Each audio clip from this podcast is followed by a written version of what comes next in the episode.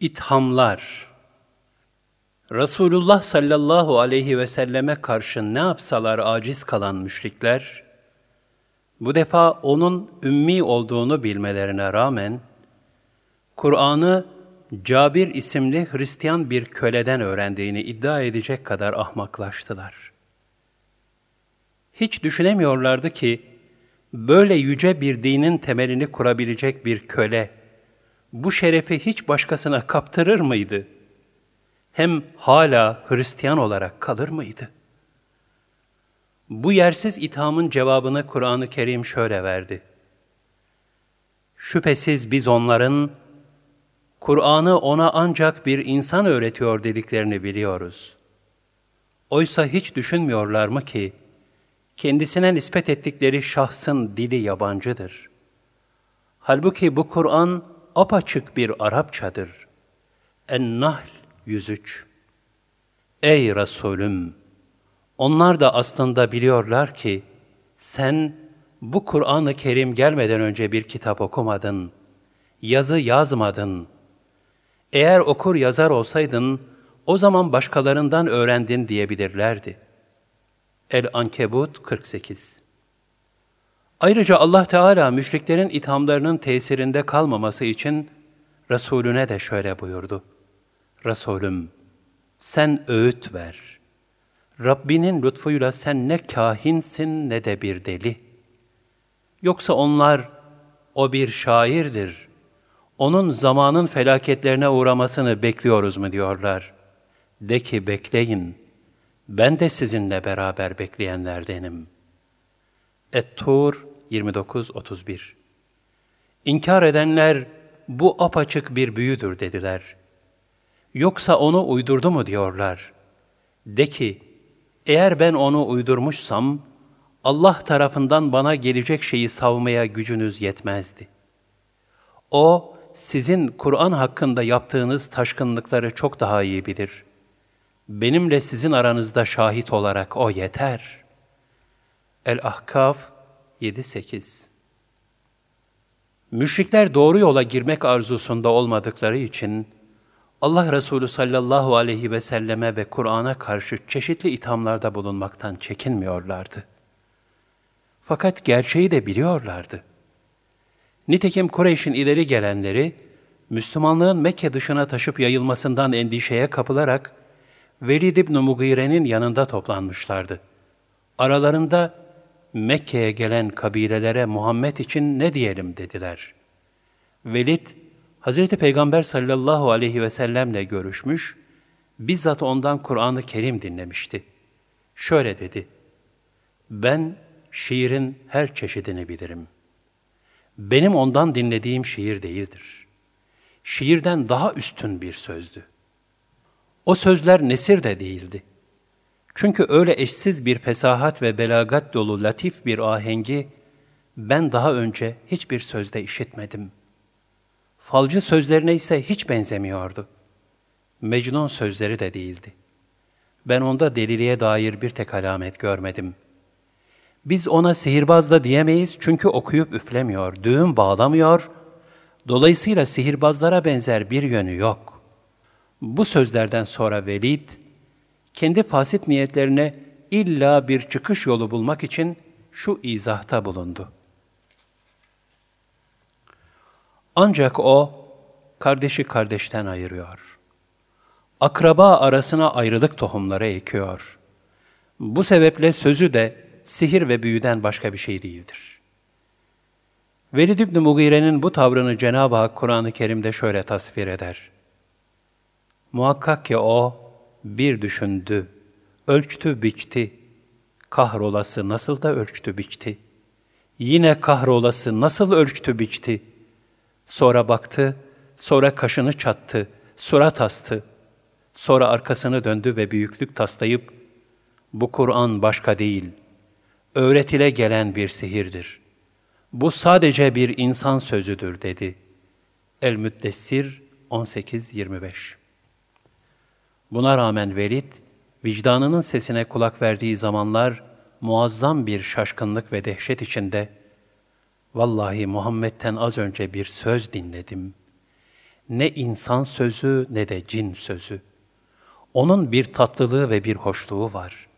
Yukarısı meyveli, aşağısı bolluk, zemini bol sulu. O kesinlikle üste çıkar, onun üstüne çıkılmaz diyerek Kur'an-ı Kerim'in erişilmez belagatini itirafa vicdanen mecbur kalırdı.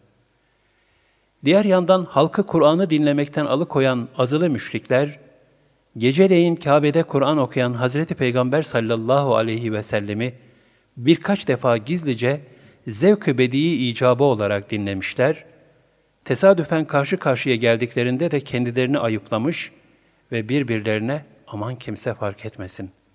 Halk bizim bu durumumuzdan haberdar olursa, andolsun ki son derece rezil oluruz. Bundan sonra da hiç kimseye bu hususta söz geçiremeyiz diyerek, yaptıklarını kınadıktan sonra bir daha böyle bir davranışta bulunmayacaklarına dair aralarında ahitleşmişlerdir. Ayrıca müşrikler bu ahitleşmeyle yetinmeyerek, kendilerini bile teshir eden Kur'an üslubunun son derece tesirli olmasını dikkate alıyor ve insanların Kur'an sesi işitmemesi için gürültü yapıyorlar ya da onu okumayı yasaklıyorlardı. İnkar edenler, bu Kur'an'ı dinlemeyin, okunurken gürültü çıkarın, belki üstün gelirsiniz dediler. Fussilet 26 Kur'an-ı Kerim bir lisan mucizesidir. İşte bu yönüyle o günkü belagat ve fesahatte zirveye ulaşan Araplardan ve kıyamete kadar gelecek olan insü cinden kendisinin benzeri bir söz getirmelerini isteyerek meydan okumaktadır. Bu hususta Kur'an-ı Kerim'de ilk olarak Tur suresinin 34. ayet-i kerimesinde müşrikler Kur'an'ın Allah kelamı olmadığı iddialarında sadık ve samimi iseler, hadi onun gibi bir söz getirsinler buyuruldu. Müşrikler bu ilahi hitaptan aciz kalınca Cenab-ı Hak, onların acizlerini daha bariz bir şekilde ifade etmek üzere şu ayetlerdeki şartları teklif etti. Yoksa onu uydurdu mu diyorlar.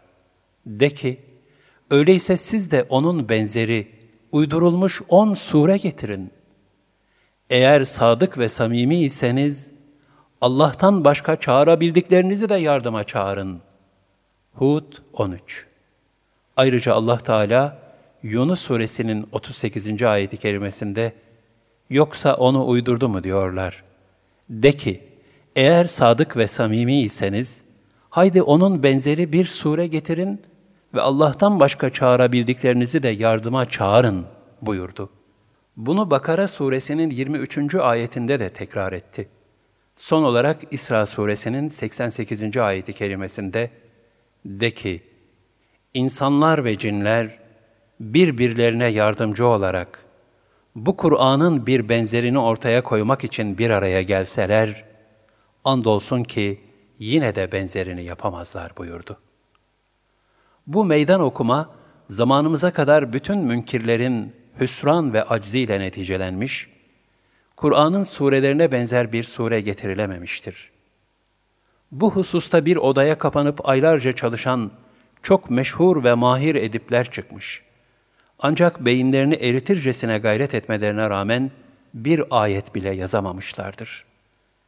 Çünkü Kur'an sadece fesahat ve belagat mucizesi değil, aynı zamanda bütün asırları içlerindeki hakikatleriyle birlikte kuşatan bir mucizeler kitabıdır.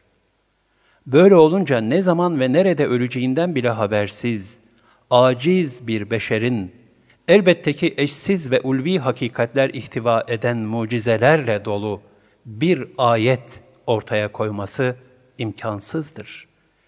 Nitekim beşeri müdahaleyle yazılan bugünkü Tevrat ve İncil'lerin durumları ortadadır. Her iki kitap da aslından uzaklaşmış, adeta birer çelişkiler kumkuması haline gelmiştir. Kur'an-ı Kerim hususundaki ithamlarında muvaffak olamayan müşrikler, bu sefer Hz. Peygamber sallallahu aleyhi ve sellemin mübarek şahsını hedef aldılar. Allah Resulü sallallahu aleyhi ve sellemin oğlu Kasım'ın dört yaşındayken vefat etmiş bulunmasını fırsat bilerek, As bin Vail'in ağzından ona ebterdir dediler. Yani zürriyeti kesik, nesli bitmiş, tükenik diye alay ettiler. Böylece insanların gözünden düşürüp, onun derin tesirini izale etmek istiyorlardı. Ancak bunda da muvaffak olamadılar. Kevser suresi yüzlerine bir sille-i kahhar olarak şakladı. İnna a'taynâkel kevser fesalli li rabbike venhar inne şâni'eke huvel ebtar. Habibim, hiç şüphesiz biz sana Kevser'i verdik. Öyleyse Rabbin için namaz kıl ve kurban kes. Üzülme, bil ki asıl ebter, soyu kesik olan, sana hınç besleyen, buğz eden. El-Kevser 1-3 Bu ayetten anlaşıldığı veçeli Allah Resulü sallallahu aleyhi ve selleme hangi zaman ve mekanda olursa olsun buğz eden ve hınç yüklü olanların ortak sıfatı ebterliktir. Ona bedevi demeye kalkışan görgüsüzler, o yegane yüce insana kendi cüceliğini izafe etmeye cüret eden ahmaklar, dinine çöl kanunu diyebilen zavallı bedbahtlar hep nasipsiz, zürriyetsiz, ebter kimselerdir. Şair ne güzel söyler. Cemalin afitabından iki alem münevverdir. Senin evladına her kim muhabbet eylemez bunda, o melunlar kıyamette şeyatinden de ebterdir.''